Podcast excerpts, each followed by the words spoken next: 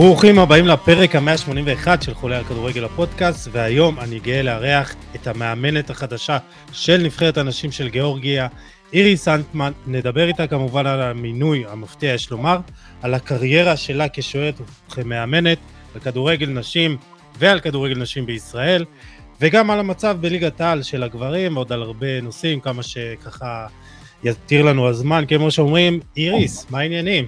תודה שהגעת. תודה, תודה לכם. אה, קודם כל אה, ברכות על המינוי החדש, את אה, נרגשת? מתרגשת? כן, האמת שזה חלום של כל מאמן, אני חושבת לצאת מנקודת הנוחות, לצאת לאירופה. אני תמיד אומרת שמאמן זה כמו ספורטאי, זה בדיוק אותו דבר, ואם ספורטאי החלום שלו זה לצאת לאירופה, לצאת מגבולות המדינה שהוא משחק בה ולאתגר את עצמו, זה גם מאמן. במקרה שלי מאמנת, אז בהחלט יש התרגשות. אה, תשמעי, זה, כמו שאמרתי בהתחלה, זה, זה מפתיע, כי עצם זה שאת אומרת אה, יציאה לחו"ל ועוד לגיאורגיה, שקצת אולי נרחיב על הכדורגל שם, כדורגל אנשים, זהו יעד שהוא אה, די מפתיע. בואי נגיד ככה, גם אם גבר היה יוצא לגיאורגיה, אז זה היה מפתיע. איך, איך זה בכלל נולד? למ, למה מפתיעה גיאורגיה? סליחה. כי את יודעת, בדרך כלל אה, יוצאים ליעדים כמו אה, בלגיה, את יודעת, יעדים כאלה שהם קצת יותר אה, קרובים או מוכרים לאוהד הכדורגל הממוצע, וגיאורגיה, את יודעת, זה ככה יעד שהוא אקזוטי, בואי נגיד ככה. אז אני יכולה להגיד שבגברים מאמן שם ווילי, ברח לי השם משפחה שלו, שמאמן צרפתי שאימן את ביירן מינכן, ואימן את אה, נבחרת צרפת אה, עד גיל 21, הוא מאמן שם כבר מתחיל את השנה השלישית שלו. אז אני חושבת שזה מאוד מאוד אינדיבידואלי, ואם אנשים מסתכלים על יעד כמשהו אטרקטיבי ברמה, ברמת השם, אז זו טעות, כי אני חושבת שמאמן שמגיע לאמן במקום מסוים, הוא צריך לראות את האתגר, מה הוא יכול כן לעשות דברים שלא נעשו לפניו. אז נכון שכולם מסתכלים עם מנצ'סטר יונייטד וליברפול ולהסתכל על מדינות שהן נחשקות אטרקטיביות, זה נחמד ויפה. אני מעולם לא הלכתי בכל הקריירה שלי למקומות שבהם הרושם יעשה אה, טוב יותר, ללכת באמת למקום שאני חושבת שאני יכולה לעשות שם אה, דבר שלא נעשה לפני כן. וזה זה, זה דברים שליוו אותי, אני, זאת הדרך שאני מאמינה, שוב פעם, יכול להיות שמאמנים יאמינו אחרת, אבל עובדתית אה, המאמן של הבוגרים שם שמתחיל את השנה השלישית אה, גם חושב כמוני ו... כבוד גדול, זו מדינה שאוהבת ספורט, מעריכה ספורט, אה, יש שם מתקנים מדהימים, אה, ואני חושבת שיש רצון מצוין אה, לעשות כברת דרך שלא נעשתה שם עד עכשיו, וזה מה שמושך אותי בעצם. אז זהו, אז בואי נדבר בעצם על האתגר הזה, כי אה, נבחרת הנשים של גיאורגיה נמצאת במקום ה-127 בדירוג פיפא, ישראל במקום ה-69, אה, את גם תהיי מנהלת הנבחרות הצעירות במדינה, אז מצפה לך חתיכת אתגר שם. ואני מאוד אוהבת אתגרים. אה, צריך לומר, הנבחרת הזאת היא נבחרת צעירה, הנבחרת שהוקמה ב-2009 בסך הכל, הנבחרת שלנו לדוגמה הוקמה ב-97. אה, הליגה שם היא מ-2016, זאת אומרת שהם מדינה מאוד מאוד צעירה מה, מה, מהבחינה הזאת, אה, ויחסית למה שהיא צעירה, היא נמצאת עוד במקום טוב, כי היא כבר רוצה לעשות את הקפיצת מדרגה. עצם העובדה שהם הביאו אותי לשם, הרצון שם לפתוח אקדמיה, והרצון שם להרחיב את הליגה, אה, ולתת באמת את כל המשאבים כדי שהרמה תעלה. כל מדינה מתחילה מאיזשהו בסיס מסוים. שאלה לאן היא רוצה להגיע, לפי מה שאני רואה היא דוחפת מאוד גבוה, מאוד מאוד כיף ומאתגר להגיע למדינה שהיא דווקא בחיתולים בעניין הזה, ואפשר לשפר ולקדם. אה, ובשביל זה אני מגיעה לשם.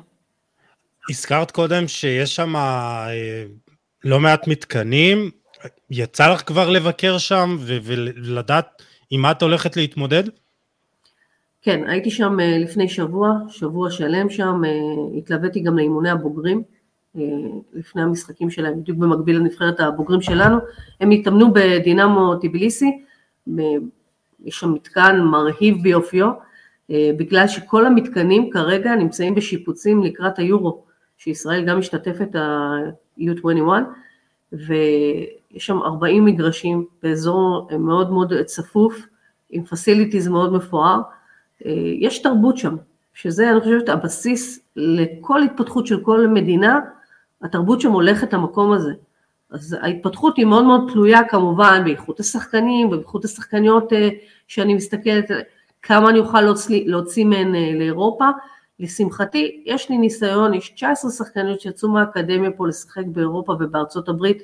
אם עשינו את זה פה בארץ, אין סיבה בעולם שזה לא יעשה במדינה שיש בה תרבות פה, ספורט ורוצה באמת להתקדם, אני חושבת שאפשר לעשות את זה. איך את uh, מרגישה ברמה האישית? Uh, כלומר, יציאה ראשונה שלך לחו"ל, גם בתור שחקנית, היה איזה, ככה ראיתי באחד הראיונות שהיה איזה דיבור לצאת למכללות, הברית או משהו, נכון? זו פעם ראשונה שאת ליגיונרית, לא? תראה, זה אחד הפספוסים שלי, כשאני מסתכלת על הקריירה שלי, זה אחד הפספוסים שלי, וזה משהו שאני גם תמיד דוחפת את השחקניות כל הזמן קדימה.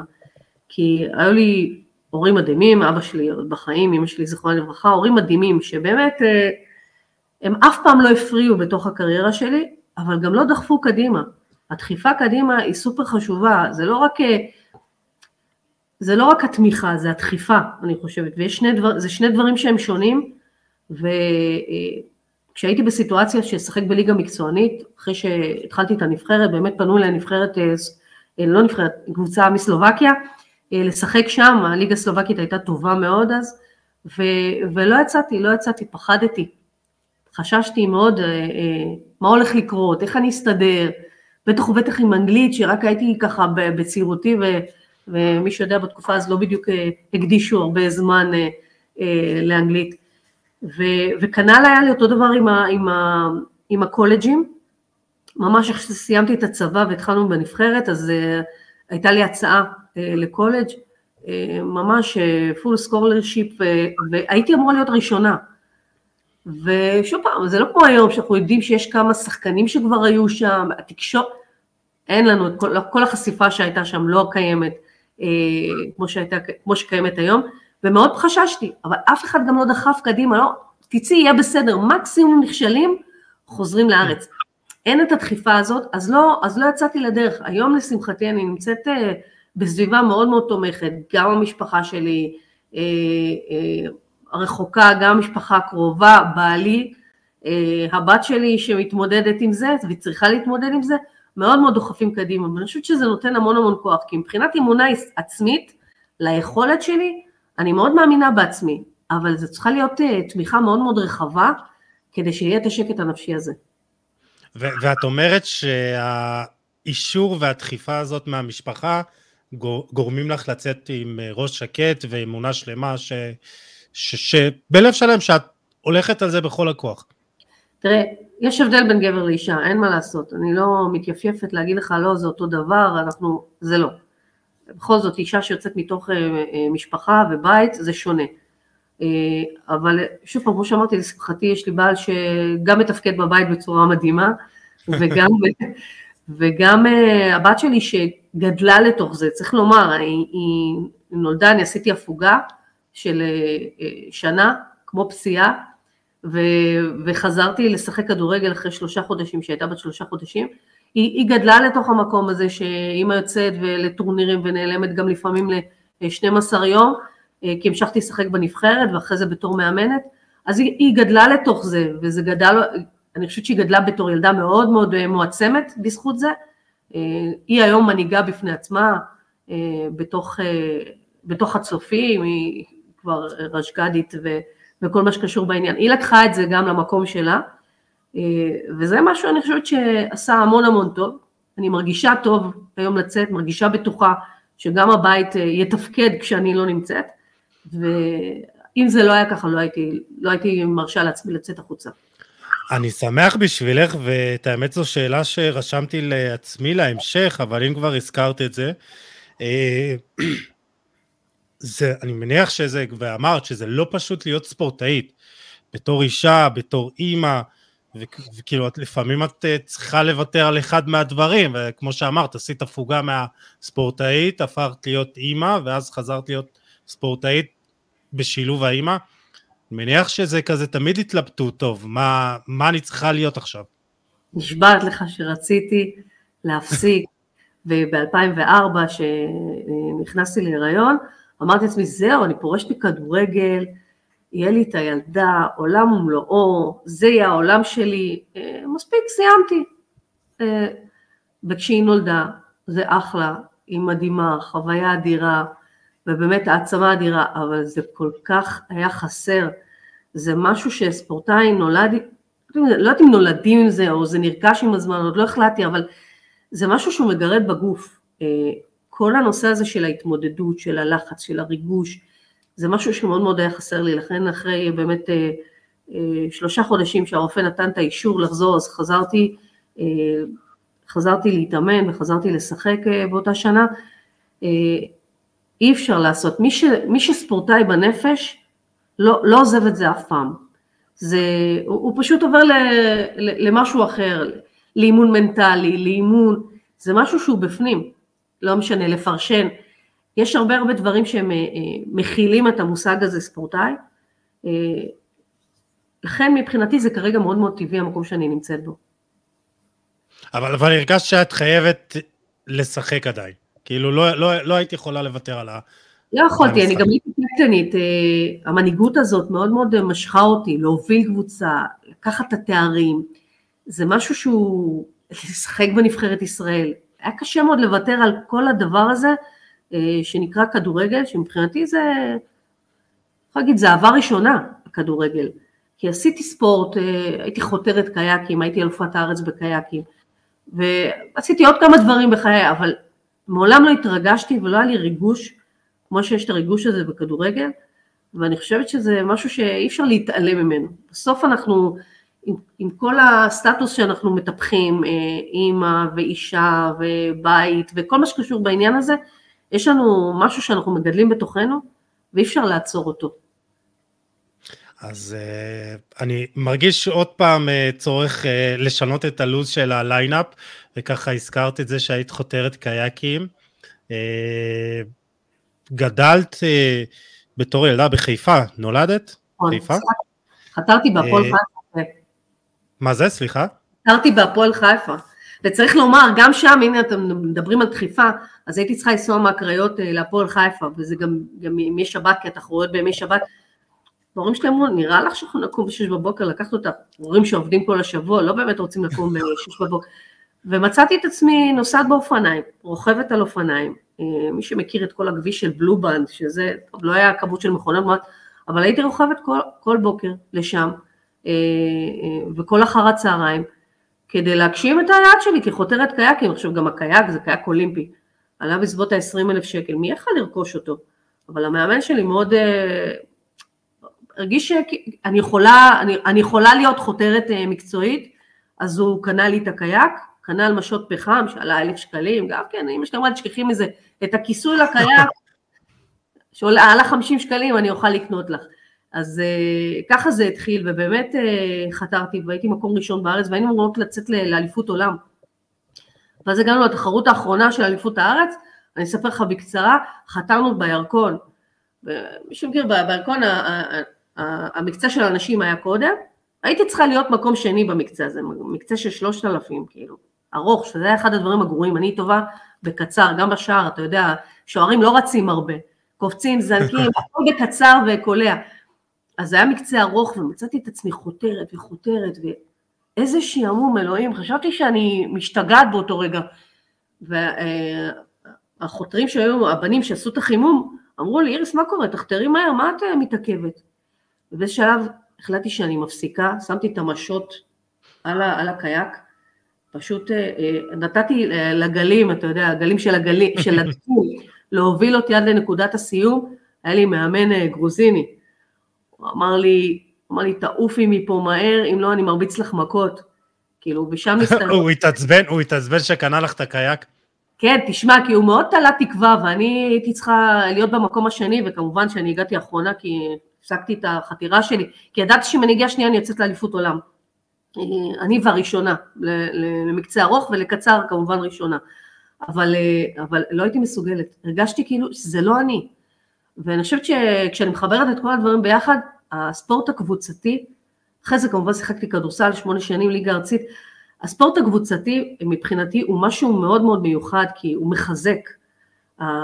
אחד הדברים שאהבתי זה החברותה מסביב, זה הבנות ששיחקתי איתן והעצמה הזאת ש, שצומחים ביחד ולא לבד, זה משהו שהיום אני יכולה להגיד לך שאני מצד אחד מעריצה ספורטאים יחידנים, מצד שני אני אומרת הם כל כך אגואיסטים שהם לא יכולים לראות אף אחד חוץ מאת עצמם, וזה משהו שהוא מאוד מיוחד, כאילו מהבחינה הזאת, אבל הוא מאוד מגביל, לכן כן. מבחינתי... אה, אני מניח שספורט, אה, אני תמיד טוען שספורט קבוצתי אפילו קשה יותר להצליח בו, כי את תלויה לא רק בעצמך, את תלויה בלהסתדר עם החברים, עם המאמנים, עם כולם, ואת יודעת, ספורט יחידני זה את וה...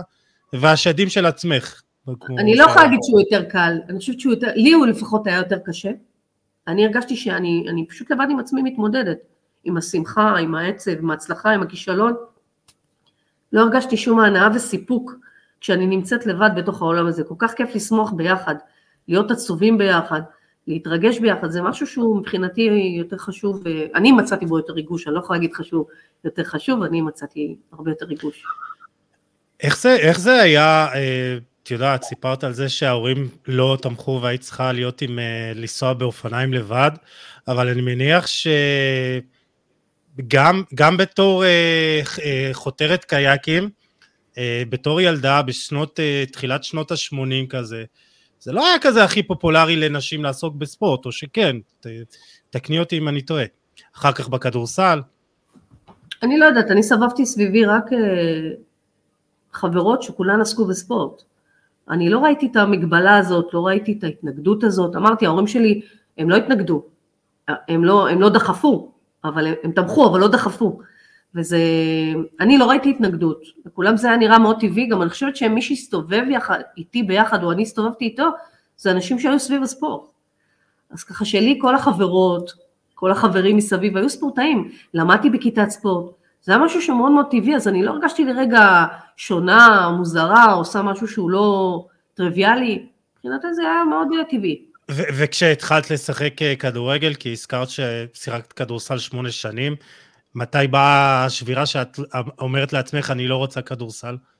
וואו, אה, למדתי במגמת ספורט בכלל, אה, הייתי צריכה להתחיל לשחק כדורסל, כי להתקבל למגמת ספורט באורט מוצקין זה רק היו שחקניות כדורסל. לא יכולתי לבוא מענף אחר, אז אמרתי, טוב, צריך כדורסל, צריך כדורסל.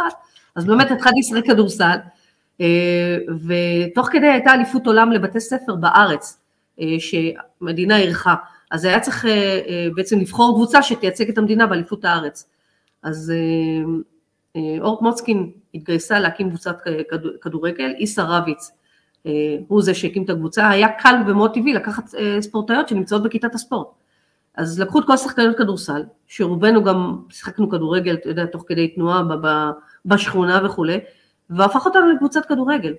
ו- ווואלה, ניצחנו את אליפות הארץ, שהייתה, שהייתה ברמת גן, אליפות מחוזית הייתה בקריית אליעזר, היינו מקום ראשון, היינו אליפות הארץ, ואליפות העולם הייתה כמובן בווינגייט, המקום האידיאלי לארח את כל הנבחרות, וקיבלתי שם שוערת מצטיינת בטורניר הזה, ושיחקנו באמת מול נבחרות גם מסין, ו- אה, של בתי ספר מדהימות.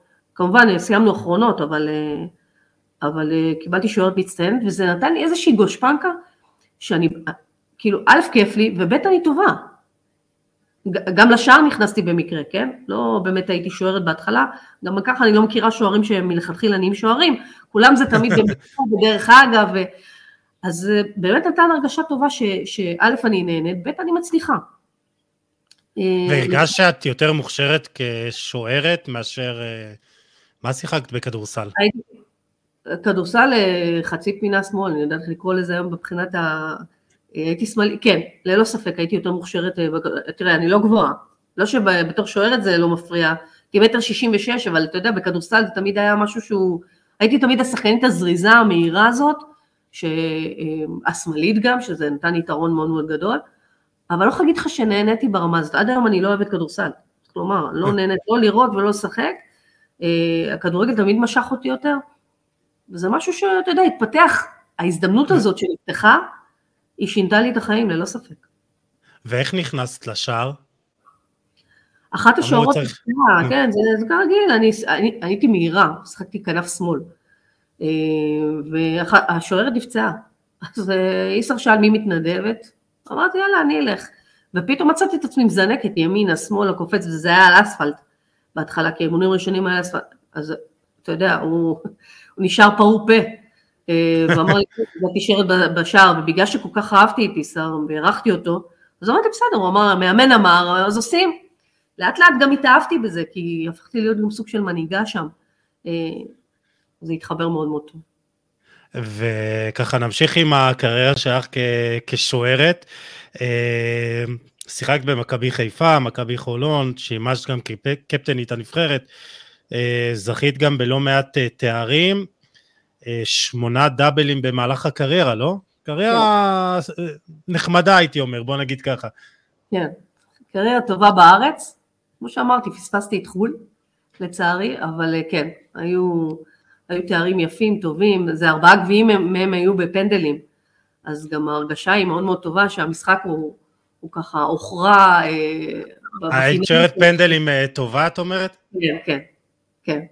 בפנדלים אני מאוד מאוד טובה, יודעת לקרוא את התנועות של השחקניות, של השחקנים, אז זה, זה, בזה אני כן יכולה לומר. אז ההרגשה היא טובה, התארים היו טובים, אה, אה, מאוד מאוד אה, מיוחדים, כל אחד ואחד. חו... חוויות במהלך הקריירה שככה, שלא תשכחי לעולם? שמע, יצאנו למשחק ראשון ברומניה, לא יודעת אפילו את השם של העיירה שהביא אותנו, הביא אותנו למלון, הגענו בלילה, מלון מעופש, הכל שטיחים כאלו. אז אה, דבר ראשון שעושים בנבחרת, מי שיודע, זה עולים לחדרים. אה, החדרים היו מעופשים, בגלל זה פתחנו כולנו את החלונות. הדלקנו את האור, פתחנו את החלונות וירדנו למטה לחדר אוכל, כי דבר ראשון שעושים זה באים אוכלים, אה, וירדנו לחדר אוכל, כשעלינו למעלה לחדרים, כל החדר היה שחור, הכל היה ברחשים, מפוצץ, פרט לחדר אחד שלא פתחו את החלון. הם לא פתחו את החלון. כל החדרים היו מפוצים בברחשים, מה שעשינו עכשיו, קראנו למאמנים, היה רוני שניידר היה המאמן אה, שלנו, הוא אמר זה לא שום דבר, התחיל לדפוק עם מגבות, לא קרה שום דבר, יהיה אפשר לישון בלילה, אמרנו לו בסדר, נסתדר. כל השחקניות ביחד ישנו, 22 אה, שחקניות ישנו באותו חדר, עברנו את כל המזרונים, זה, זו חוויה שאתה אומר בואנה, היום אתה מסתכל על זה, זה לא ייתכן דבר כזה שקורה. אבל... אה, אם ערן זהבי היה בחדר, אז בכלל זה לא היה קורה, אם זה היה החדר שלו. זה לא היה קורה. עוד שהוא היה מעדיף לישון לבד עם הברחשים, יכול להיות. כן. היה לו הרבה חדרים לבד. אבל באמת אני אומרת, זה חוויות ש... אתה יודע, מסתכל על זה במרוצת השנים שהם לא קורים, והיו כאלו עוד המון, אז אה, בסוף זה מביא, אני חושבת, קבוצה להיות הרבה יותר אה, מאוחדת וכנבחרת בייחוד, על אחת כמה וכמה. אה, בואי נגיד ככה שאת היית גם, אמנם שוערת, אבל חלוצה גם, אתה יודע, בכדורגל אנשים. בואי נדבר קצת על כדורגל נשים בישראל. איך הוא היה בתקופתך? אני יכולה לומר שהייתה חוויה אדירה לראות קבוצות כמו בית"ר ירושלים, הפועל באר שבע, מכבי תל אביב, הפועל תל אביב, קבוצות שהיו בליגה הראשונה אצל הגברים, פתחו קבוצות נשים, ואני מדברת איתך על פני ג'ל בתקופה הזאת, ולוניר שיקוביץ, ו, ומשה תאומים, ויאנקלה שחר שיושבים באליפות הראשונה ביחד בקצב, ומסתכלים על המשחק, וזה נראה כל כך מכובד, כולנו נסענו באוטובוסים של הקבוצות, אה, ושיחקנו פורמצ'ים, אה, אה, בגמר גביע פורמצ'ים לגברים, וכש... בוא נגיד ככה, שהנפתי את הגביעים, אז כבר הנפתי לעיני 40 אלף צופים ברמת גן. זה משהו שהוא הוא היה מטורף גם מבחינת הרמת התקשורת, שוב פעם, לא היה את כל מה שקשור בתקשורת, ה, ב, ב, אתה יודע, ב website, בערוץ 5 וכולי, אבל הכל היה מאוד מאוד יוקרתי. עכשיו וזה... מרגיש לי, אני עושה הקבלה להיום, אני אומר, בואנה, זה לא מתקרב לזה. לא, חד משמעית לא. כי אנחנו שיחקנו פורמצ'ים גם בקריית אליעזר, לפני הבוגרים. זה המון המון דברים ש... כשהיינו במכבי חיפה, אני הרגשתי כאילו אני חלק מהמועדון ברמה הכי גבוהה שיש. הכל היה פרוס לפנינו, אם זה הצוות הרפואי והצוות המקצועי, ובאמת ב... ב... התאמנו ב... ב... בפסיליטיז הכי גבוה שיש, אה, וזה ככה, ביום אחד נעלם, וכשזה נעלם זה נמחק. למה? מה, מה, מה גרם לזה? לא, אני ישבתי עם ינקלה במשרדים ברמת גן, והוא אמר לי, איריס, אין בעיה כספית, זה לא בעיה כספית. אני סוגר את הקבוצה, ואיתמר צ'יזיק הוא זה שניהל את כל המהלך הזה, כי אני מרגיש ש... שבהתאחדות לא באמת רוצים לפתח את זה. הכל סביב אה, יוצר בלאגן, היו דוחים משחקים, והכל היה לא מסודר מאוד מאוד. אה, ומי שמכיר את ינקלה יודע שהוא לא מתעסק בדברים שאין להם אה, באמת בסיס איכותי, לא הייתה בעיה של כסף של השקעה, ולכן הוא החליט לסגור את הקבוצה. אתה יודע, באותו משחק שיחקנו גם כן פורמט שבגביע, והפסדנו אותו. והיו לנו חולצות שהרמנו את החולצה שלנו, היה כתוב, ינקלה, אל תיקח לנו את האהבה לכדור. והאנרגיות היו כל כך מרוקנות שאת הגביע האחרון הפסדנו, לא היינו מסוגלים, לא היינו מסוגלות אפילו לקחת. האכזבה אה, הייתה מאוד מאוד גדולה, מבחינתי זה היום הכי עצוב בקריירה שלי, שאני מסתכלת, הסגירה של מכבי חיפה, כי ידעתי שמאותו רגע הכל משתנה, כי אחריו נסגרו כל הקבוצות, הפועל תל אביב ובית"ר ירושלים אה, ומכבי תל אביב, נכון שנפתחו מחדש, גם הפועל תל אביב, גם בית"ר וגם מכבי, וגם, אה, מי עוד אמרתי, גם באר שבע, אבל אה, אבל זה כבר לא אותו דבר. תשמעי, אני חושב שהיום אולי למכבי חיפה, אה, הדבר הש... היחידי שאולי אה, חסר לה זה קבוצת נשים. כאילו, זה המועדון הכי אירופאי שיש לנו בישראל, מתי, מתי זה יקרה? אז אתה יודע, דיברת בדיוק על לאמן בכל מיני מקומות, ושמאמן בוחר לעצמו את המקומות, אז כשסיימתי בנבחרת, הדבר הראשון שעשיתי זה הלכתי ל... הייתה לי פגישה עם, אה, אה, עם עובדיה, וישבנו אה, במכבי חיפה לפתוח טרומיות. כשאני מדברת לך על טרומיות זה ילדות בנות שמונה. ובאתי מהנבחרת ואמרתי לא מעניין אותי, אני הולכת עם האידיאולוגיה, מאוד מאוד רוצה לפתוח קבוצת טרומיות ומשם לפתח, שיצמחו לילדות, לנערות ומשם לבוגרות. רציתי איזושהי דרך, ואמרתי זו הזדמנות נפלאה, דווקא שמכבי חיפה בשנה השנייה כבר אה, אה, לאליפות שלה, יש בסיס מאוד מאוד רחב מהבחינה הזאת גם של אוהדות אה, צעירות, גם של משפחות, וחשבתי שזה הטיימינג הכי הכי נכון.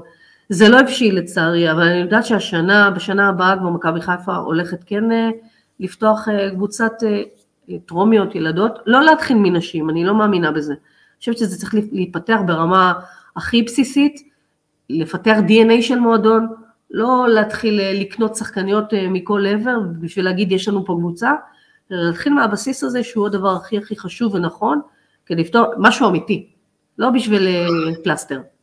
את ציינת שגם הפועל תל אביב והפועל ירושלים פתחו קבוצות חדשות גם, ואני יודע, אני בתור ירושלמי יודע את העבודה הנפלאה שעושים בהפועל ירושלים, נכון. גם בילדות, נערות ובקבוצת בוגרות. עכשיו את רואה איזשהו סוג של עלייה, אופטימיות אה, מצב כדורגל אנשים בארץ? לא. אה, חשבתי ש... שתגידי כן, אבל בסדר, נו, כן, תפתיע אותי. אני אגיד לך מה, אם היית שואל אותי לפני כמה שנים, הייתי אומרת לך, בהחלט כן. אני חושבת שעכשיו המצב תקוע. אה, במקום מסוים שבו צריך לקבל החלטה.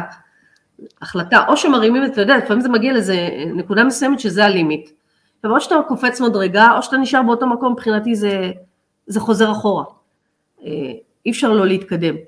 וזאת הנקודה, זאת הנקודה שאם באמת הקבוצות האלה יקבלו את כל המשאבים שהם צריכים וכל ה-facilities כדי באמת להתברג ולהיות אה, נחשבות, אז אני חושבת שגם ייפתחו הקבוצות האחרות. מבחינתי, בלי שמכבי חיפה, מכבי תל אביב שתהיה לה קבוצה בוגרת וכל השאר, אה, כל קבוצות ליגת העל לא יחזיקו בקבוצות אה, נשים, זה לא יכול להיות לזה כוח ועוצמה, כי בסוף כשיושבים בהתאחדות לכדורגל, אז זה מאוד מאוד נחשב כשיאנקל'ה נותן את הדעה שלו גם בנשים. כרגע אין את זה. לא, אבל, אבל אם, סליחה שאני קוטע אותך, אבל אם אמרת אז שהסיבה שיאנקל'ה סגר את קבוצת הנשים, זה בגלל שבהתאחדות לא הייתה נכונות וזה לא היה באמת אה, רציני, אז למה עכשיו כדאי לא לפתוח, ואז את אומרת זה אולי הזרז ש, שיקדם את הכל? אולי זה ההתאחדות, אולי ההתאחדות צריכה עכשיו לבוא לעשות מהלך, לחייב קבוצות בליגת העל, שיהיה להם קבוצת נשים, ואת יודעת, זה מן הסתם קבוצת נערות, אה, וילדות, אז אולי זה, זה צריך להתחיל מההתאחדות? זה חייב להתחיל מההתאחדות. אני אומרת, יקום מאמיץ ויעשה את זה. שינו אמר שהוא רוצה לעשות את זה. השאלה אם הוא יעשה את זה. אורן חסון אמר ולא עשה.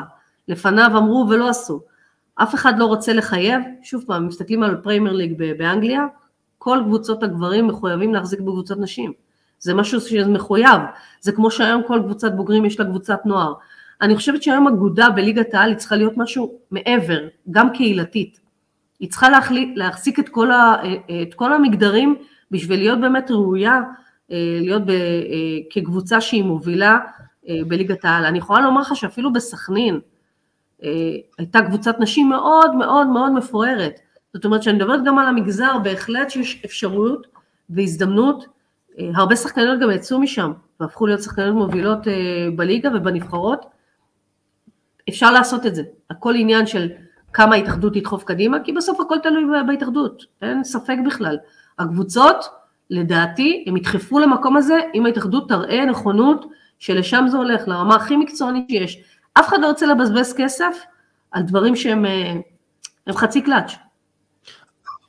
עבדת בהתאחדות המון שנים, היית בין המקימים, מקימות של האקדמיה למצוינות של, של, של נערות, וגם שימשת כמאמנת אנדר 16, 17, 19, נכון? כן. הנבחרות הצעירות. אה, אז, אז כן יש איזושהי נכונות בהתאחדות, או הייתה, לפתח את הנושא הזה. אה, מה, מה, מה השתנה? יכולה לספר לי גם על ההתחלה ומה עכשיו? אה, לוזון, בתקופה שהוא היה יושב ראש ההתאחדות, באמת הצליח להביא, להביא את אליפות אירופה אה, עד גיל 19 אה, של אנשים. וברגע שהוא הצליח להביא את זה, הוא גם מבין שאם נבחרת ישראל אמורה להיות פה ולייצג, צריך לעשות איזשהו שינוי רדיקלי. הוא פתח את האקדמיה. האקדמיה זה הדבר הכי טוב שקרה אה, בארץ לכל מה שקשור לכדורגל נשים. כי מעבר לזה שהוא טיפח את השחקניות שהיו שם, אפשר לפתח את זה עוד מעט, הוא ייצב איזה שהם סטנדרטים אחרים גם ל- לליגה, גם לקבוצות. כי שחקניות שיצאו מהאקדמיה ויצאו לקבוצות, אמרו, אוקיי, אנחנו התאמנו שמונה אימונים בשבוע, היה לנו חדר כושר, היה לנו פיזיותרפיסט, היה לנו אה, אה, תזונאית, היו את כל הדברים שקיימים, איפה אנחנו פוגשות את זה עכשיו? אם אנחנו לא נקבל את זה, אז או שאנחנו ננסה לשחק בחו"ל, או שנחפש קבוצה שיש לה את זה, וזה מה שקרה. הרמה מאוד מאוד עלתה מבחינת הנכונות של הקבוצות להבין, אוקיי, צריך להעלות את הרמה, להביא גם עוזר מאמן ומאמן שוערים, וכל מה שקשור בעניין הזה. אז ההתאחדות אה, אה, עשתה מהלך שהוא הפך את הכדורגל נשים, ובאמת היו 16, 17 ו-19 לנבחרות שבפעם הראשונה זכו אה, ב top 16, היינו top 16 של אירופה, זה לא מובן מאליו להיות במקום הזה, עם ה-19 עשינו את זה פעמיים, עם ה-17 פעם אחת, ו, וזה דברים שהם יכלו להתעצם לכיוון הנבחרת הבוגרת, וזה נעצר. אבל, אז אז בואי תספרי לי ה, על האבל הזה. מה קרה? אה, זה, זה פצע פתוח, אני מרגיש שאת אה, ככה, אולי מבחינתך זה, זה משהו אולי שנפגעת מההתאחדות? אני מאוד נפגעתי, אני מודה שאני נתתי את כל חיי לפרויקט הזה שנקרא, שנקרא אקדמיה, הפרויקט הזה שנקרא התאחדות לכדורגל, מבחינתי הבנות האלו היו כמו הבנות שלי. ומשפחה שלי שהייתה פה ידעה שאני עובדת 24/7, 365 ימים בשעה, בשנה, כולל יום כיפור, אה, באחד, באחד מהשנים, כי סביב זה יש המון המון דברים והמון בעיות, ונתתי את כל כולי למקום הזה לא מאיזשהו רצון להוקרה, אלא כי באמת האמנתי שזה הדבר הכי הכי נכון שיש. ובהינף יד אה, נעשו שינויים שהם שזה בסדר, שינויים זה, זה דבר שהוא תמיד מבורך, אבל בלי משמעות באמת, ולחקור את הדברים לעומק. ואותי זה מאוד מאוד אכזב, אה, כי היה איזשהו תהליך לא פרסונלית אליי, שוב פעם, יותר לתהליך שקרה שם, והכל נעצר, והאקדמיה נעצרה, אה, ועבדה רק שנייה. זה, מתי זה קורה? באיזה שנה? לפני שנה, אה, האקדמיה נעצרה, לפני שנתיים אני סיימתי את עבודתי אחרי 11 שנים בהתאחדות, ואחרי שהעליתי את הנבחרת של היו 19 אה, לשלב העילית עוד פעם בפעם השנייה, העבודה שלי נעצרה, ואז אתה אומר, אוקיי, זה לא דברים מקצועיים. אתה אומר, אם זה דברים מקצועיים, אז בואו, אף אחד לא עשה את זה לפניי, אז אין סיבה שאני לא אהיה שם, גם אם לא שם בתפקיד אחר. אז כשדברים כאלה קורים שהם לא מקצועיים, זה מאוד מאוד מאכזב. זה נותן איזושהי הבנה ש... אוקיי, אז, אז איך פועלים בעולם כזה שהוא לא מקצועי? זה עולם שאני לא מכירה אותו, אולי אני לא יכולה להשתלב בו אפילו, כי אני לא בן אדם פוליטי, אני לא יכולה להשתלב בפוליטיקה אה, מבחינתי, ולכן זה מאוד מאוד היה לי קשה, כי אני לא ידעתי איך חוזרים לגלגל הזה עכשיו, או איך מתחילים אותו מההתחלה. אה, וזה משהו שכשהוא נעצר לפני אה, שנתיים, ולפני שנה גם האקדמיה ירדה לטמיון, יש כל כך הרבה שחקניות מוכשרות, שזה הדבר הכי מאכזב. השנתונים האלו, משנתון 2006, 7, 8, 9, שנתונים מאוד מאוד מוכשרים, והכל נעצר. ואמרתי, ברגע שדברים נעצרים, אנחנו חוזרים אחורה. אז לא- השחקניות לא... האלה פשוט חזרו למועדונים שלהם? השחקניות, כן, חלקם חזרו למועדונים, צריך לומר, יש שחקניות שעזבו, שחקניות שגרות בקטמון, עזבו את המשפחות שלהם, אה, שלוש שנים, וצריכות לחזור הביתה לבית ספר בשנה י"ב, וצ... תשמע, זה, זה, זה תהפוכות מאוד מאוד גדולות, כשההורים מאוד מאוד מערבים אותי, כי זה הורים ש... לא אגיד גידלתי את הילדות שלהם, אבל הייתי איתן.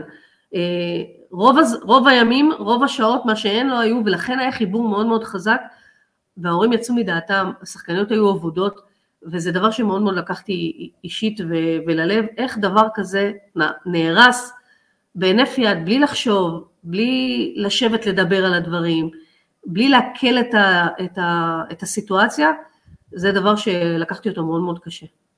אה, טוב, אנחנו רואים אה, את החדשות בשנה האחרונה, גם עם אה, המינוי של נורה אפטל למנהלת הטכנית והנבחרת, וגם ה, ה, הסיפורים שיוצאים עם הכביסה המלוכלכת והחוסר ציוד. דברים לא טובים קורים בכדורגל נשים בשנה האחרונה, גם ברמה של הנבחרת. כאילו, ולפחות הייתי מצפה שלפחות בנבחרת בוגרות קצת דברים יתנהלו אחרת. זה, זה, אני מניח שזה כואב לך לראות את זה.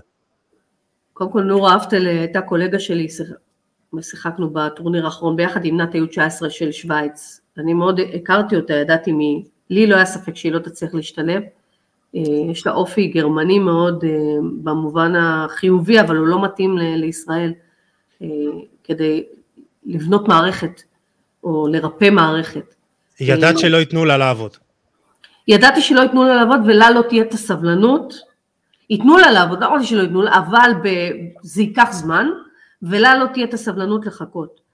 אה, היה צריך להביא מישהו באמת עם ניסיון מאוד מאוד אה, גדול, שעבר איזה שהם כמה מערכות לפני שמגיעים ל, ל, ל, למקום הזה. אה, ההרגשה היא שכאילו, האכזבה היא בעיקר כי יש שחקניות טובות, כי יש שחקניות שעברו דרך. בטח ובטח בנבחרות הצעירות, ואז הן מגיעות לטופ, ושם הן אה, נתקעות, נתקלות בדברים שטותיים. כשאתה מסתכל על זה ציוד, גרביים, זה, זה דברים שלא מתאימים למדינה נאורה כמו מדינת ישראל, ש, שלא חסר בה כלום. אתה אומר, זה שטויות, זה דברים מינוריים. וכשאתה אומר דברים כאלו, זה דברים שטותיים, אבל הם בהרגשה, הם נותנים לך חוסר שייכות. למה אני אומרת לך, אני חוזרת לאחור? החולצה הראשונה שלבשתי, בשני ל-1197 שהנבחרת הוקמה, אני לבשתי חולצה של בוני גינזבורג. המרפקיות שהיו אז אה, לשוערים, הם, הם היו עד, עד לכפפה שלי מרוב שהגודל. זה לא מתאים, זה היה מתאים אז, זה היה אז בסדר, יאללה, זו התחלה, היום זה כבר לא מתאים. יש סטנדרטים אחרים, בטח ובטח בנבחרות אחרות, אה, כשרואים את זה, לכן השחקניות אה, מאוד היו מאכזבות, ואני כמובן, כמישהי ש... הייתה איתן, לקחה איתן איזשהו חלק, ובטח ובטח שחוויתי את זה, חושבת שיש יש בהתאחדות המון אנשים טובים שמבינים, מכירים את, העבוד, את העבודה, ומשהו שם נתקע ואת זה היה צריך לפתור. את אופטימית ככה שבשנה הקרובה יהיה שינוי ממה שהספקת להכיר את שינו זוארץ ואת הכוונות שלו? אני מאוד סומכת על שינו. אני מאוד חושבת שהוא אה, בן אדם של אה, שינויים, בן אדם ש... אני אגיד לך גם, אה, גם פגשתי אותו לפני איזה חודשיים, שלושה חודשים, קיבלתי תעודת הוקרה ממשרד הספורט, משר הספורט ומשינו כמאמנת שעשתה פה שינוי גדול, ו, וחיבקתי אותו ואמרתי לו, אני מאוד מאוד חושבת שאתה תוכל לעשות את השינוי, הוא היושב ראש היחיד שהסכים לקבל אותי אליו לחדר לדבר. אתה, אתה אומר, זה, איך זה יכול להיות שבעל עסק לא, לא מדבר עם העובדים שלו? ואני אומרת, ניסיתי לדבר עם כל היושבי ראש לפני כן, אה, לא, לא, לא ניתנה היד הזאת. והוא הראשון והיחיד שקיבל אותי לחדרו לדבר על כל הדברים ועל כל הבעיות. אה, לצערי, חודש אחרי זה הוא החליט שהוא עוזב את התפקיד, אבל ראיתי אצלו בעיניים שיש את הרצון הזה לעשות את השינוי. אה, לכן אני מאוד מאמינה שהוא כן רוצה לעשות, שוב פעם, כמו בפעם שעברה, הוא לא הצליח לזוז לעניינים, אז אני לא יודעת אם עכשיו הוא יצליח, אני רוצה לקוות שכן. ועכשיו כשהוא בא ב- עם כוחות מחודשים, לא הציע לך איזה משהו? לא היה איזה משהו על הפרק של תבואי ותובילי את uh, כדורגל נשים לעידן אחר? לא קיבלתי הצעה, אבל מהניסיון שלי בהתאחדות, אתה יודע, כל המינויים בעולם מתחילים בינואר לפני זה, באמת, כאילו, השנה הקלנדרית מתחילה בינואר, רק פה בארץ אנחנו מסתכלים על יולי-אוגוסט. המינויים פה בנבחרות זה ביולי-אוגוסט, מי ביולי-אוגוסט יכול להגיע לנבחרת? כולם כבר סגורים בכל המועדונים וכולי. אז תמיד ישראל, ההתאחדות משאירה את כל המינויים האלו לסוף. לי לא היה את המקום, את הסבלנות ואת המערכת העצבים לחכות לה, לה, להזדמנות הזאת, אני גם לא קיבלתי רמזים שאני אהיה שם, לכן זה לא רלוונטי מבחינתי להתעסק באם, כי אתה יודע, זה כבר לא קיים. Uh, טוב, בוא, בוא, בואי נחזור לתחילת הדרך שלך בתור מאמנת, ובריאיון ללירן ביטון uh, היקרה, בחורה נפלאה, בידיעות אחרונות לפני כחצי שנה סיפרת שמי שדחף אותך לעולם הזה זה ז'אן טלסניקוב, שזה מצחיק, כי גם הוא אה, דחף אותי uh, ללכת אה, גם, היינו ביחד בקורס מאמני כושר לכדורגל, אה, חזר, הוא החזיר אותי הביתה יום אחד מה, מה, מהקורס, הוא אמר לי, לך למחלקת הנוער של בית"ר ירושלים, תציע את עצמך שם בתור אה, סטאג'ר, אפילו ב, ב, בחינם תעבוד, תעבוד, תהיה, ת, תתלמד, ומשם היסטוריה, הייתי שם עשר שנים, אה, אז זה מצחיק שבואי נגיד ככה, ז'אן השפיע על שנינו, אז יש לנו כבר משהו משותף.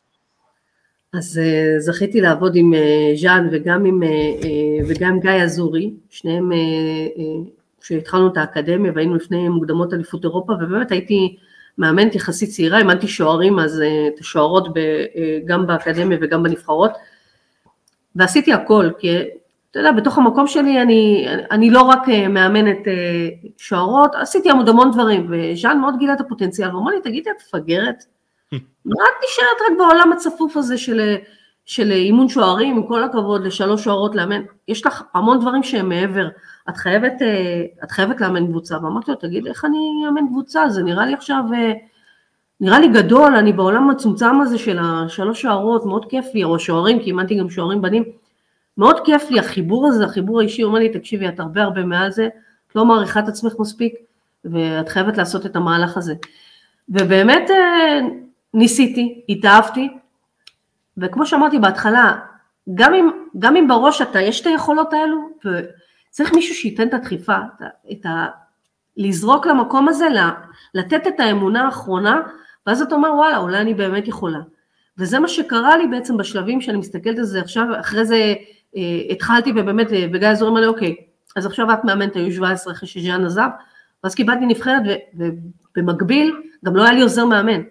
כי אה, אה, גיא יצא עם הנבחרת של, ה, של הבוגרות בזמן הזה, ואני נשארתי איתם לבד במוקדמות אליפות אירופה בשוודיה, ו, והצוות שלי היה מאוד אה, מורכב, לא היה לי מאמן כושר, היה שולי גילארדי, היה המאמן השוערים שלי, והצוות היה מאוד מצומצם, ועלינו, ואתה יודע, אני כל כך התפרקתי שם, בכיתי במשחק האחרון, כי גם זה היה משחק, שיחקנו מול קרואטיה, גשם מבול, הם הובילו 2-0, ואז שיניתי את המערך ובאמת אה, ניצחנו את המשחק ו, אה, ומה שאני כאילו רוצה לומר זה שבסוף אתה, אתה צריך, צריך מישהו שידחוף אותך, לעשות את הצעד הראשון הזה כדי באמת לגייס את עצמך, להאמין, בייחוד שאני חושבת שנשים, הביטחון העצמי הוא, הוא, הוא תמיד יהיה לבל אחד מתחת לגברים בעולם הזה שנקרא כדורגל. וזה כששואלים אותי, אוקיי, מה, מה צריך לעשות כדי כדי להיות במקום הזה, זה, זה, זה תמיד לדחוף עוד יותר קדימה, ולפעמים זה קשה לעשות את זה לבד, צריך אנשים טובים מסביב, ולשמחתי היה לי, היה לי גם את גיא וגם את ג'אן, כמו שאמרת, שנתן את הדחיפה, ומשם כשהביטחון כבר מגיע, ואתה רואה את ההצלחות שהן מגיעות, והחיבור הזה עם השחקניות ועם הצוותים, אז אתה אומר, אוקיי, זה אפשרי, אז, אז האמונה גם מתחברת למקום טוב. התאהבת באימון הזה באותו משחק בקרואטיה? בשוודיה, סליחה? בגשם? אני חושבת כאילו, שהטורניר... זה הטורניר שאת אומרת לעצמך, מצאתי את הייעוד שלי? כן, כי הצלחתי לחבר קבוצה שבאמת היה אוסף של שחקניות שם, וחלק מהשחקניות גם הגיעו, אחת מקנדה ואחת מתאילנד, ו... כי לא היה מספיק שחקניות בארץ, ו... וזה לייצר בעצם אה, נבחרת שתעבוד כמו קבוצה, וזה סופר קשה. אז במובן של ההתגייסות והמשמעת הטקטית, היינו צריכות להיות מאוד מאוד טקטיות, צריכות מול, מול נבחרות מאוד חזקות, שהייתה אסטרטגיה מאוד מאוד ברורה אה, אה, מה לעשות שם כדי לעלות אה, שלב, וכל הקשב הזה וההתגייסות הזאת והצוות והעצמה גרם לי להרגיש וואלה זה, זה משהו שהוא מיוחד. ועניין אותי לדעת אם אני יכולה לשחזר את זה. ואז שעליתי ל-U19 ולקחתי את אותן שחקניות עם תוספת קצת ועלינו גם ב-U19 לשלב העילית זה היה משהו שאמרתי וואו השמיים הם הגבול הכל אפשר לעשות וזה ללא ספק הרגשתי שזה הייעוד שלי שמפה אני כבר לא, אני לא חוזרת אחורה.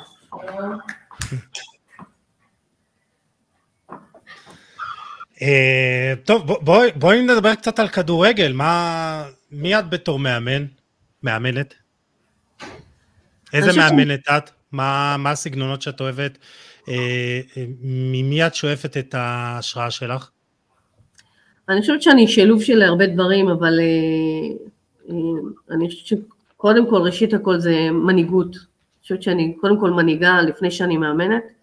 אה, החיבור שלי עם השחקנים, שחקניות, הוא תמיד חיבור שהוא מחוץ למגרש, אה, קודם כל, אבל כשאני על המגרש, זה מאוד מאוד לא, לא חשוב לי מה השחקן עבר אה, עשר דקות לפני שהוא עלה למגרש. אני מסתכלת עכשיו, איך הוא עכשיו מביא את המקסימום היכולות שלו מבחינת הרמת הדרישות, אני מאוד מאוד קשוחה בתוך המגרש, צריכה לומר את זה, דרישות שלי מאוד מאוד גבוהות, אה, אבל אני יודעת לעשות את החיבור הזה עם השחקנים אה, ברמות הכי, הכי קפדניות, כדי לגרום להם להוציא את המקסימום, לשחק אחת בשביל השנייה, ולשחק בשביל המערכת, וגם לשחק בשבילי, כי אני חושבת שבסוף המאמנים הם דמות עבור השחקנים, אם הצלחנו להתחבר לשחקן מסוים, הוא יביא אקסטרה מעצמו, כי, כי בסוף כולם מסתכלים על הספסל לראות איך המאמן מגיב. בייחוד בייחוד שזה קשור בנשים, שהן אה, סופר ביקורתיות, ומאוד חשוב להן מה אומרת הסביבה עליהן, אז, אה, אז אה, על אחת כמה וכמה המאמנת. אז את יותר דייגו סימאונה? אפשר כן. כן? יחד עם קלוב ביחד, אבל כן, אני גם, גם על, ה, על הקווים, אני לא בדיוק עומדת דום עם ידיים שלובות, אני קצת מוציאה ריצה על הקווים, יש לומר. איזה, איזה כדורגל את אוהבת? כאילו, מה, מה, מה האידיאל שלך בתור עכשיו קבוצה שיש לך את כל הכלים שפרוסים בפנייך, כל מה שאת רוצה, מה האידיאל שלך? האידיאל שלי זה קבוצה לוחצת מאוד מאוד התקפית, נושכת בעיקר, שלא נותן לקבוצה יריבה לייצר אה, משחק, כולם עובדים במגרש, מבחינתי אין דבר כזה שחקן ש, שלא יכול לעבוד. לא אומרים תמיד שחקן שלא יכול, כולם עובדים. גם מסי יכול לעבוד בתחום שהוא עובד, באזור שהוא נמצא, הוא חייב למלא את ההוראות הטקטיות. אה, אני מאוד מאוד טקטית, אני חושבת שטקטיקה היא דבר שעושה סדר במגרש, הוא בעיקר, אה, גם אם שחקנים מחליפים מקום, זה לא משנה, אני מדברת ברמה טקטית, אה, כשיש סדר וכולם יודעים איפה הם צריכים להיות בכל מצב נתון במגרש, אז גם המשחק הופך להיות מאוד משוחרר. כי גם כשאתה מבצע פעולות והפעולות לא מצליחות, פעולות האישיות, אז תמיד אתה יודע שיש קאבר מאחוריך, תמיד אתה יודע שיש איזון, וזה דבר שהוא מאוד מאוד חשוב מבחינתי. אה, באחד הראיונות שראיתי, הזכרת את אה, בכר גם כאיזה סוג של מודל. כן, בכר מבחינתי הוא, הוא... אני אומרת, כולנו יודעים, כל מי שתסתכל על כדורגל, כולם יודעים, אה, הידע בכדורגל הוא מאוד מאוד רחב, בטח ובטח כשפתוחים לכל כך הרבה, בוא נגיד ככה, טלוויזיה פתוחה, האינטרנט פתוח, כולם כמעט יודעים הכל על כדורגל. אבל אני חושבת שבסוף זה ניהול שחקנים, זה ניהול צוות, זה לגרום לצוות שכל אחד אה, ירגיש מאוד מוערך ושכל אחד הוא עולם ומלואו בתוך המערכת הזאת.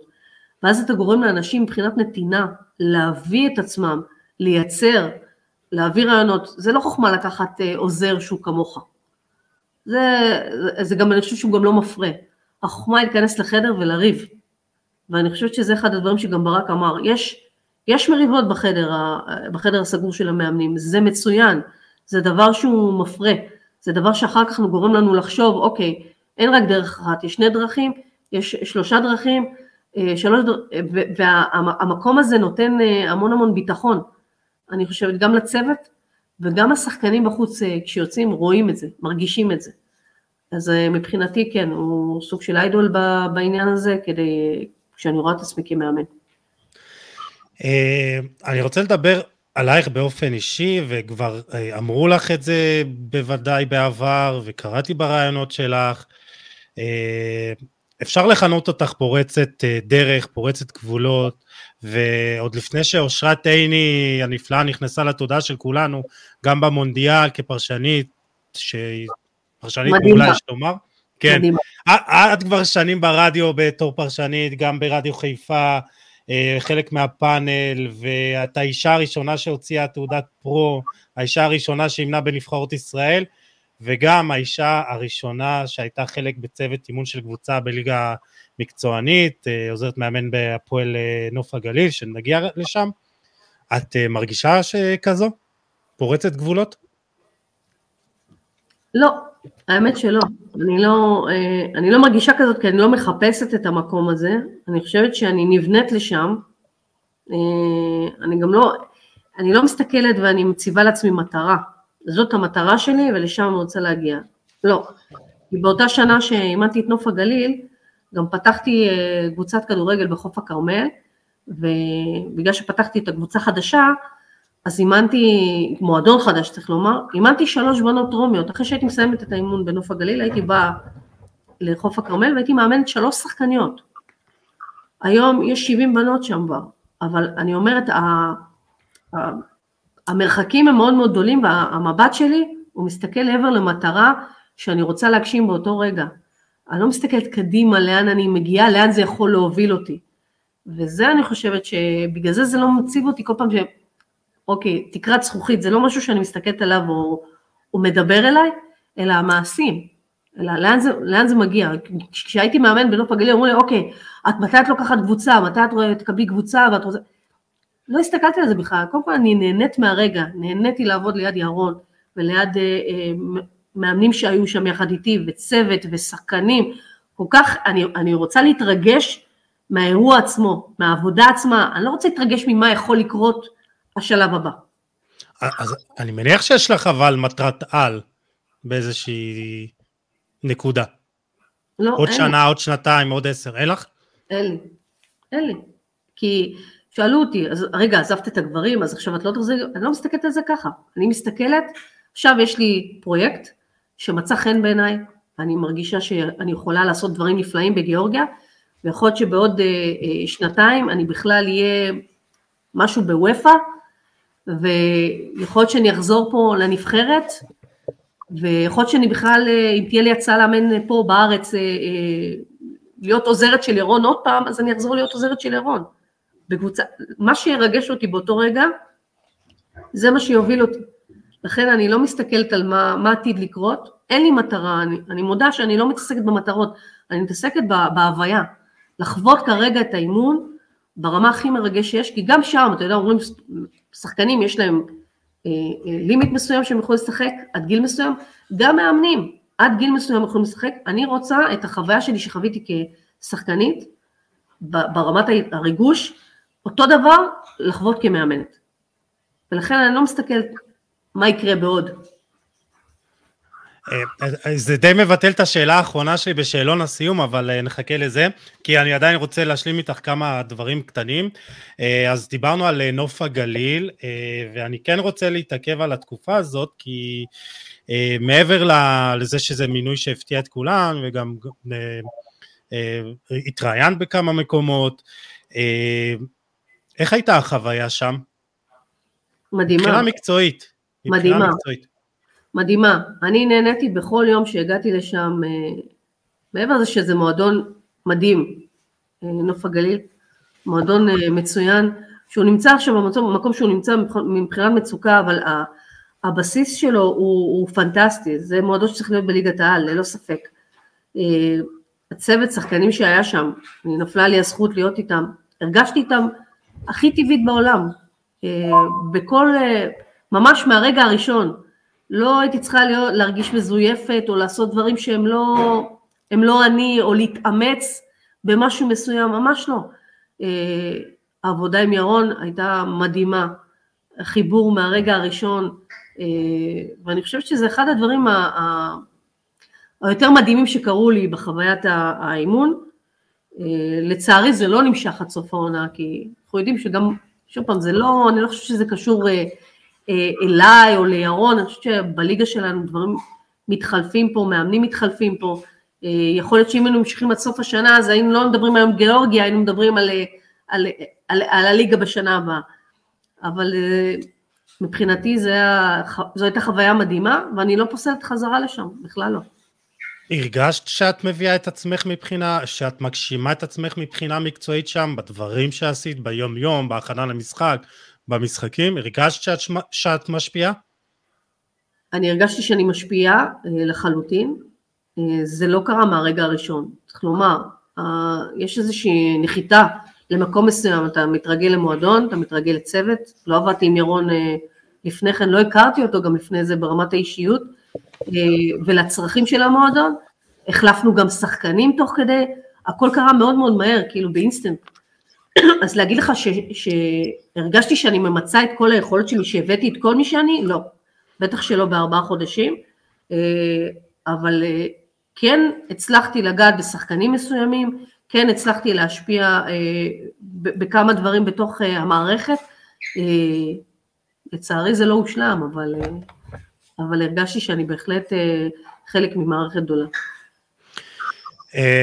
תספרי לי על איזה משהו שככה השפעת אה, אה, לטובה, עבודה עם שחקן ספציפי, או איזה שחקן ספציפי מהקבוצה שאת מאמינה בו שהוא יפרוץ? אמ, כשהגעתי אז, אה, אז צוקול היה אחד השחקנים ש... עודד צוקול, אחד, השח... אחד השחקנים המוכשרים שפגשתי, אבל ברמת האישיות שלו, הוא, הוא לא היה בבסיס שלו, צריך לומר, אה, עם המון המון קשיים, ולקחתי אותו סוג של פרויקט אה, מהבחינה הזאת. אה, ולאט לאט הוא, הוא חזר לעצמו ואפילו שיחק בהרכב, היה אחראי אה, לכמה אה, שערים שהקבוצה הבקיעה, אחרי זה הוא גם קצת נפצע, ואז עברתי לדייוויד ווה, שהגיע כזר וגם כן, אתה יודע, בתוך ה... מסתכל על שחקן, בתוכו נפש מאוד מאוד רגישה, ונוצרה איזושהי מערכת יחסים מאוד מאוד טובה ברמת התקשורת. אז אני חושבת שהייתה לי השפעה השיחות האישיות עם שחקנים, זה היה שם כל הזמן. כמה השפעתי, איך זה בא לידי ביטוי, יאמרו השחקנים, לא אני, אני יכולה להגיד אה, מה מבחינתי עשיתי. אה, את רוצה, אני כן רוצה לשאול מה לא עבד שם מקצועית, כי הגעתם לשם במחזור השישי, הקבוצה הייתה במקום ה-13 עם 5 נקודות מתוך 15, ניצחתם במשחק הראשון את ראשון לציון 2-1, ובדיוק אחרי סיבוב לאותה ראשון לציון הפסדתם 2-1, אה, ואוכנבוים פוטר כשהקבוצה במקום הלפני האחרון עם 17 נקודות, שלוש מתוך, אה, פחות מכפר קאסם, 25 אחוזי הצלחה, אז מה באמת לא עבד שם? כשהגענו לקבוצה היה חוסר איזון מאוד מאוד גדול ברמת השחקנים, אה, שחקנים מאוד צעירים, והשחקנים שהיו זה סגל שלא מספיק מושלם, צריך לומר, היה חוסר איזון מבחינת הגנה, חוסר איזון מבחינת התקפה, וכשאהרון הגיע, הדבר הראשון שהוא עשה זה לחפש, קודם כל לחפש שחקנים, כי היינו לקראת, אה, הגענו בנובמבר, ולקראת ינואר, באמת אה, דצמבר כבר הבאנו את, אה, את קאינדה, היה חיפוש כל הזמן אחרי שחקנים, וליצור את האיזון היה מאוד מאוד קשה. לא סתם הקבוצה עדיין לא מצליחה, כי אני חושבת שהיא, ברמת הבנייה שלה, היא, היא, היא, היא לא נבנתה מספיק מאוזנת. שוב פעם, מאילוצים כאלו ואחרים שאני לא, לא יודעת אותם, אבל קשה מאוד, קשה מאוד אחרי שמשהו נבנה, להתחיל לתקן. לפעמים הזמן לא נותן, לפעמים המון המון דברים קורים, היו פציעות והיו אדומים, המון דברים שאתה יודע עכשיו נשמעים כתירוצים, אבל אין מה לעשות, שכל הדברים האלה מתחברים ביחד לא טוב, קורה לא טוב. אה, פנדלים שלא נשרקו, ודברים שאתה מסתכל עליהם, אוקיי, אם, אם רק היה נשרק, אם רק היה זה, אתה יודע, אז התוצאה הייתה אחרת. אבל אי אפשר לומר על זה עכשיו, אני באמת רוצה לקוות שנוף הגליל יישארו בליגה, לפחות יגיעו למבחנים, כי... את מאמינה שזה יקרה? כי עכשיו שש נקודות, תום העונה הסדירה, שש נקודות מכפר קאסם, מהקו האדום, אה, יכולה עוד להפתיע איכשהו? תראה, עכשיו אה, הקבוצה היא הרבה יותר טובה, זאת אומרת, הגיעו שחקנים טובים, וזה כבר לא משנה איזה מאמן יהיה שם. יש איזושהי נקודה שאני אומרת, שחקנים צריכים להביא את עצמם.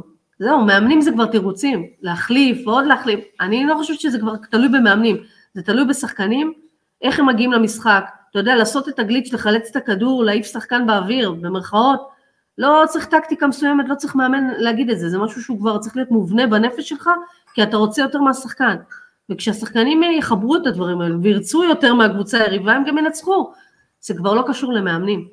יש דברים שהם כבר מעבר למאמנים, מקבלים באמת את כל התנאים שם, כי, כי זה, כמו שאמרתי, זה מועדון עם תנאים מאוד מאוד טובים, ועכשיו זה זמן השחקנים, זה כבר לא זמן מאמנים, זה כבר גם היה מקודם, בסדר?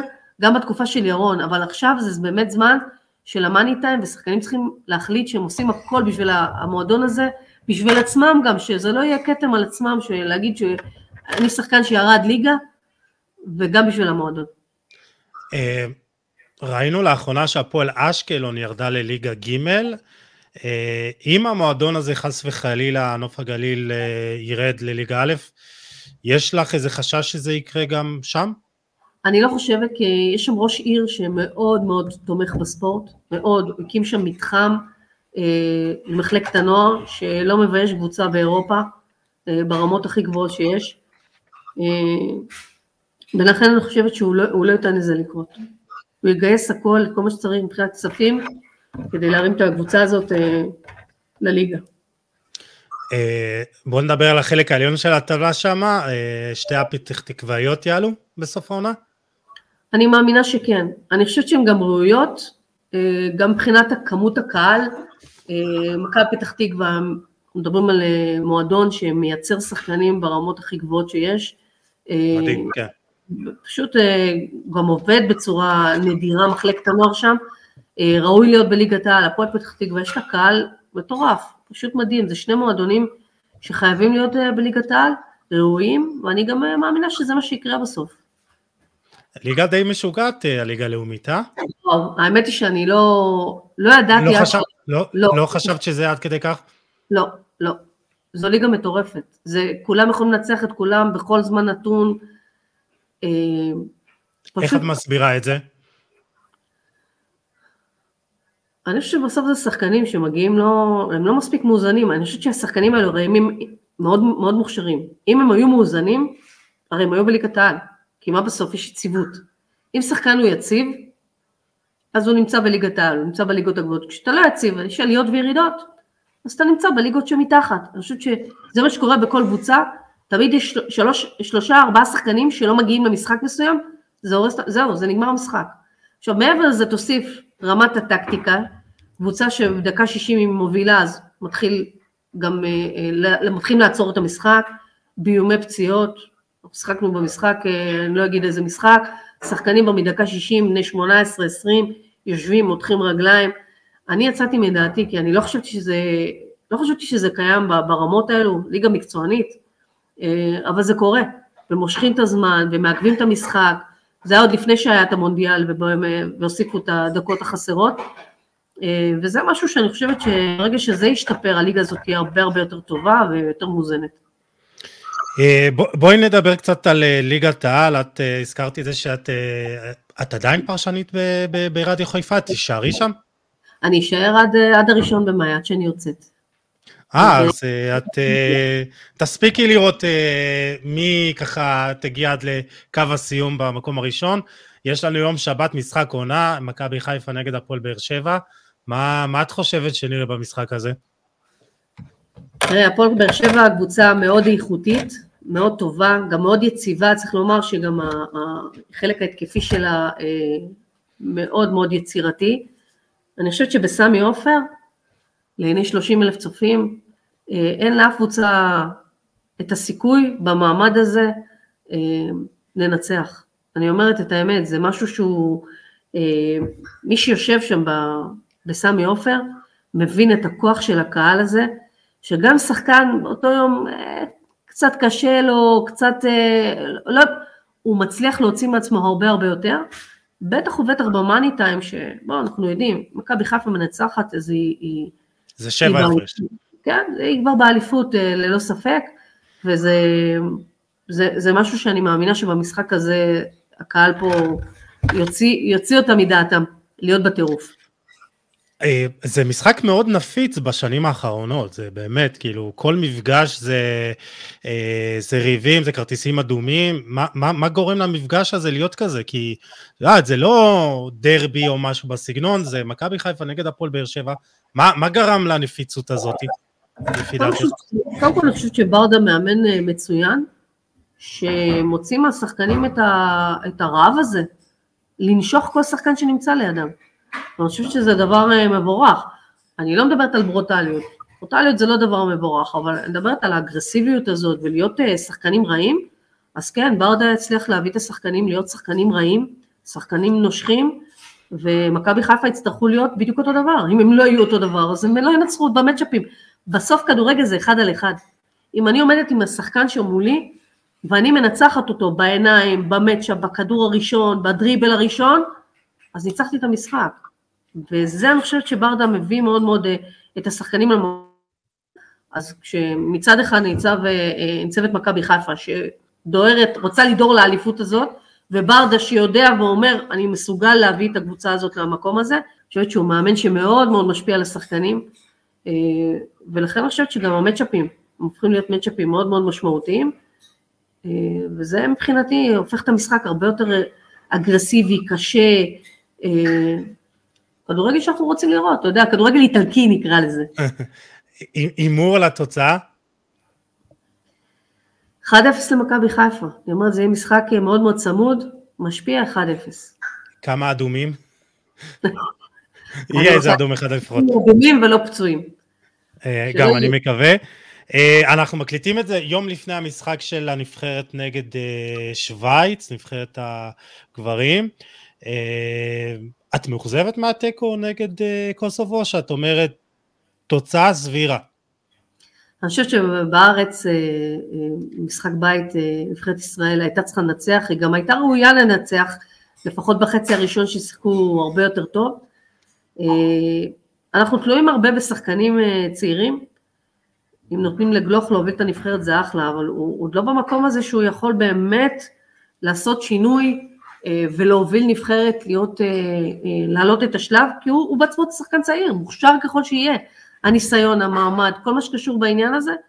לכן אני גם מבחינתי, כשאני מסתכלת על שחקנים שחסרים היום בנבחרת, אני חושבת שזו אבדה גדולה מדי. פסיליטיס גדול מדי ששחקנים כאלו לא יהיו בנבחרת. אולי זה שכר לימוד ששווה אה, לקחת בחשבון עם, עם אוסקר גלוך? יכול להיות, אבל לשלב סביבו שחקנים שהם עם ניסיון, לשלב סביבו שחקנים שהם, אה, אה, אוקיי, הוא, אז אולי הוא, הוא צריך לשחק קצת פחות, אולי הוא לא צריך לפתוח, אולי צריך להיכנס שהמשחק קצת אה, חי, לחשוב איך, כאילו זה היה נראה שמפילים עליו את כל נושא ניהול המשחק, וראינו שזה גדול עליו כרגע. אה, זה צריך להיות ב, ב, ב, בשלבים, בתהליכים, זה לא יכול לקרות, הוא עד לא מזמן שיחק בנוער של מכבי תל אביב, צריך לומר, זה, זה, כן. הצמיחה פה היא ענקית, והוא מוכשר ברמות הכי גבוהות שיש, אבל זה לא יכול לקרות תוך יום, אני לא מאמינה בקסמים. אז, אז, אז לא היית מוותרת אה, גם על ערן זהבי, גם על עומר אצילי, גם על דיה סבא, זאת אומרת שלפחות אחד מהם היה צריך... מה זה? אבו פאני.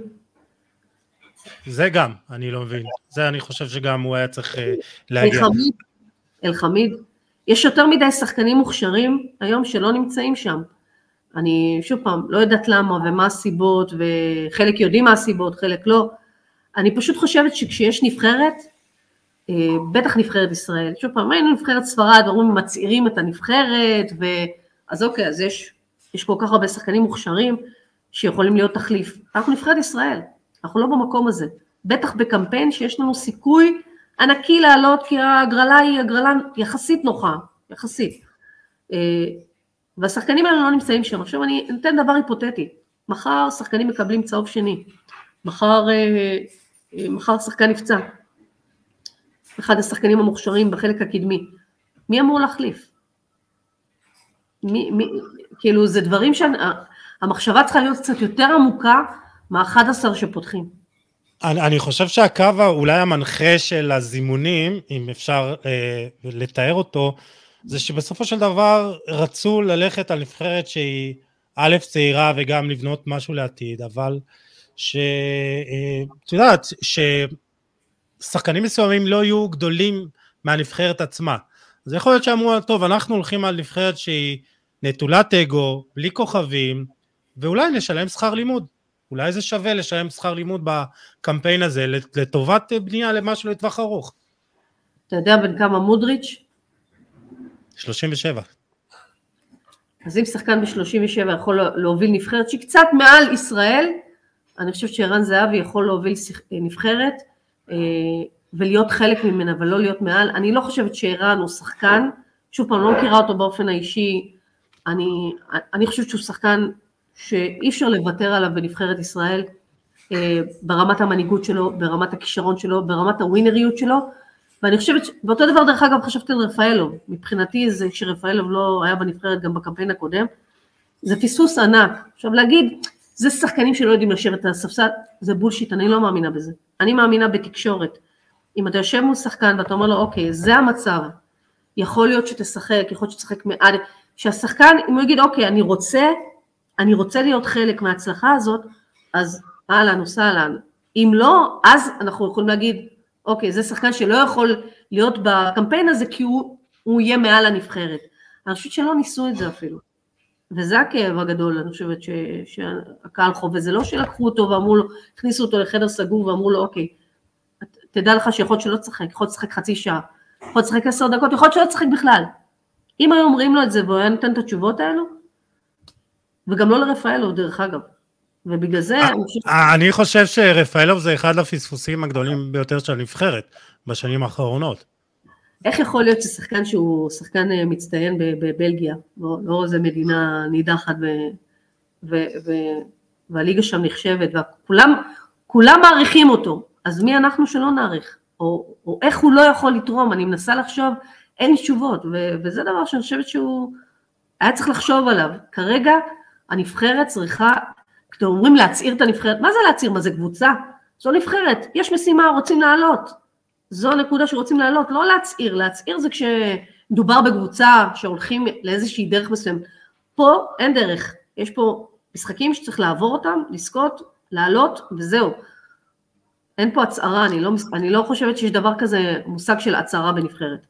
Uh, טוב, זה, זה, זה יכול להיות כבר עניין של גישות, שאת יודעת, טוב, אם אנחנו עכשיו רואים את הקמפיין הנוכחי, או אנחנו רוצים לבנות משהו לאורך זמן. אני חושב שזה שתי גישות שהן לגיטימיות, ובואי נגיד ככה, במבחן התוצאה זה מה ש, שישנה.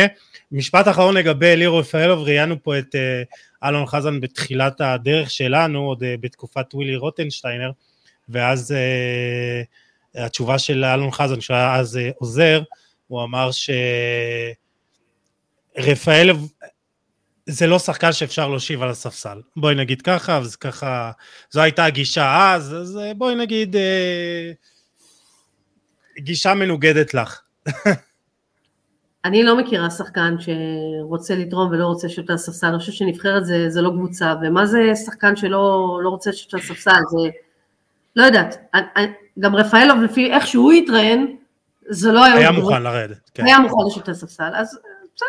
אז האמת איפה שהיא באמצע, ואני עדיין חושבת שנבחרת זו לא קבוצה, זו, זו משימה, זו משימה של כמה משחקים, אם נתחו יכל לשחק כל התקופה הזאת ולהיות מנהיג ולהיות מוערך אז אין סיבה שרפאלוב לא, ואין סיבה ש... שזהבי לא. אין סיבה. מס, מסכים איתך. אה, נעלה ליורו הזה? אני מאוד מקווה שכן. אה, גם אני מקווה, אבל את חושבת שזה יקרה? תשמע, אני לא יודעת להגיד לך. אה, המשחק האחרון מול קוסובו מאוד אכזב, צריך לומר. השלוש נקודות היו צריכות להיות, יש פה תחרות קשה. אז עכשיו אנחנו כבר, כאילו אני אומרת, משחק שאתה לא מנצח, אתה כבר לא תלוי בעצמך. בסדר? כי אוקיי, אם לא תעשה איזו תוצאה פנומנלית מול שווייץ, ולחזור לגלגל הזה, אז אתה תלוי עוד פעם ברומניה, אם תנצח את קוסובו, וכל מיני דברים שהם כבר לא תלויים. אני רוצה לקוות שבסוף הכוכבים יתחברו למקום הזה, אבל... את, אה, את מאמינה שאפשר להוציא לפחות תיקו בשוויץ, או שזה סיכויים נמוכים?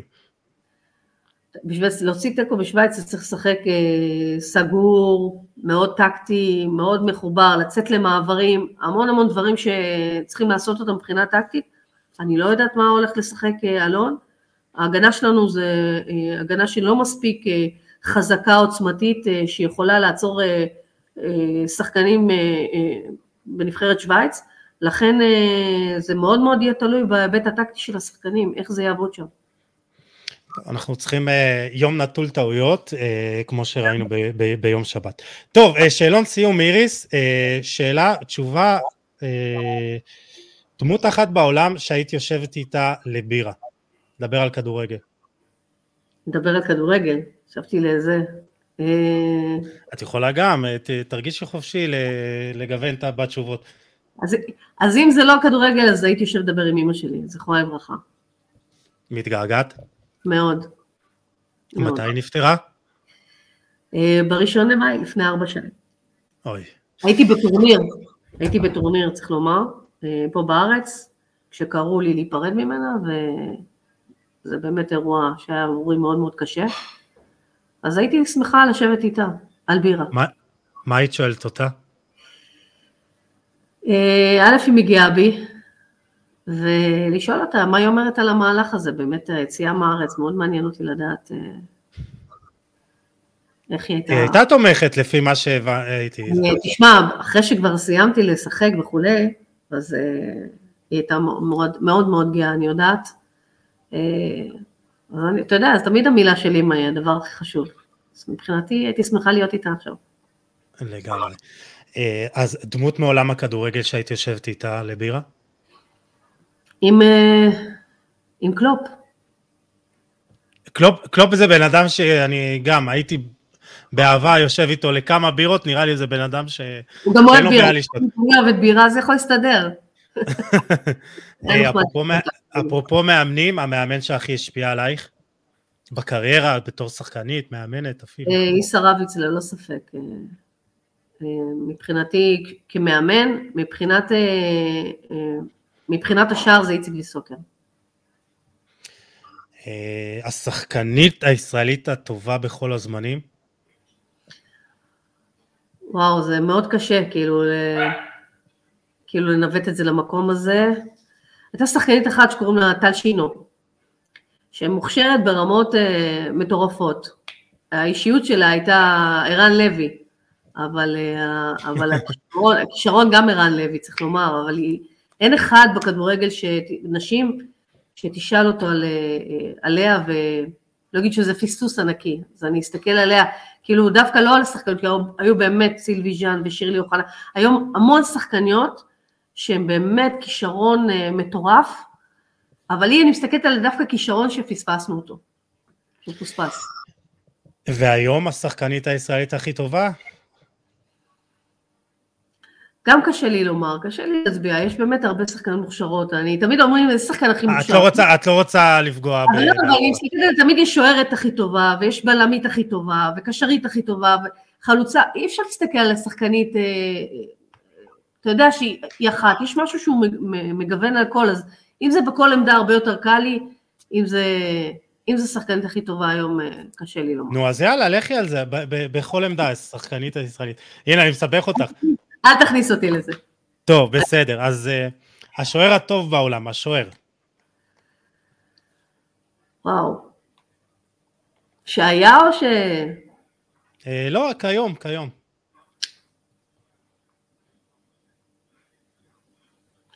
שמע, אני מסתכלת היום, לי מאוד קשה, אני מסתכלת על התקופה הזאת, אני מסתכלת על נוייר למשל, מבחינתי, שהוא משהו, יש איזה שהם שחקנים, שוערים שעברו, פיטר שמייקל, שהם עברו איזשהו שלב, ובשלב הזה הם הקפיצו את הרמה. אז מסתכלת על נוייר, נוייר בתקופה שלו הביא משהו שהוא הוא, הוא מיוחד והוא מעבר, והוא כאילו, הסטנדרט עלה מהרגע שהוא הגיע לכדורגל. אז אה, תן לי ללכת עליו ככה. חשבתי עליו במהלך הפרק, שאמר שהיית קיצונית שמאלית, שוערת וזה, אז כן. אמרתי בטח, מה היית סטייל אה, מנואל נויר כזה, מניעה כדור מאחור? אתה יודע, בתקופה שלי לא שיחקו עם הרגל.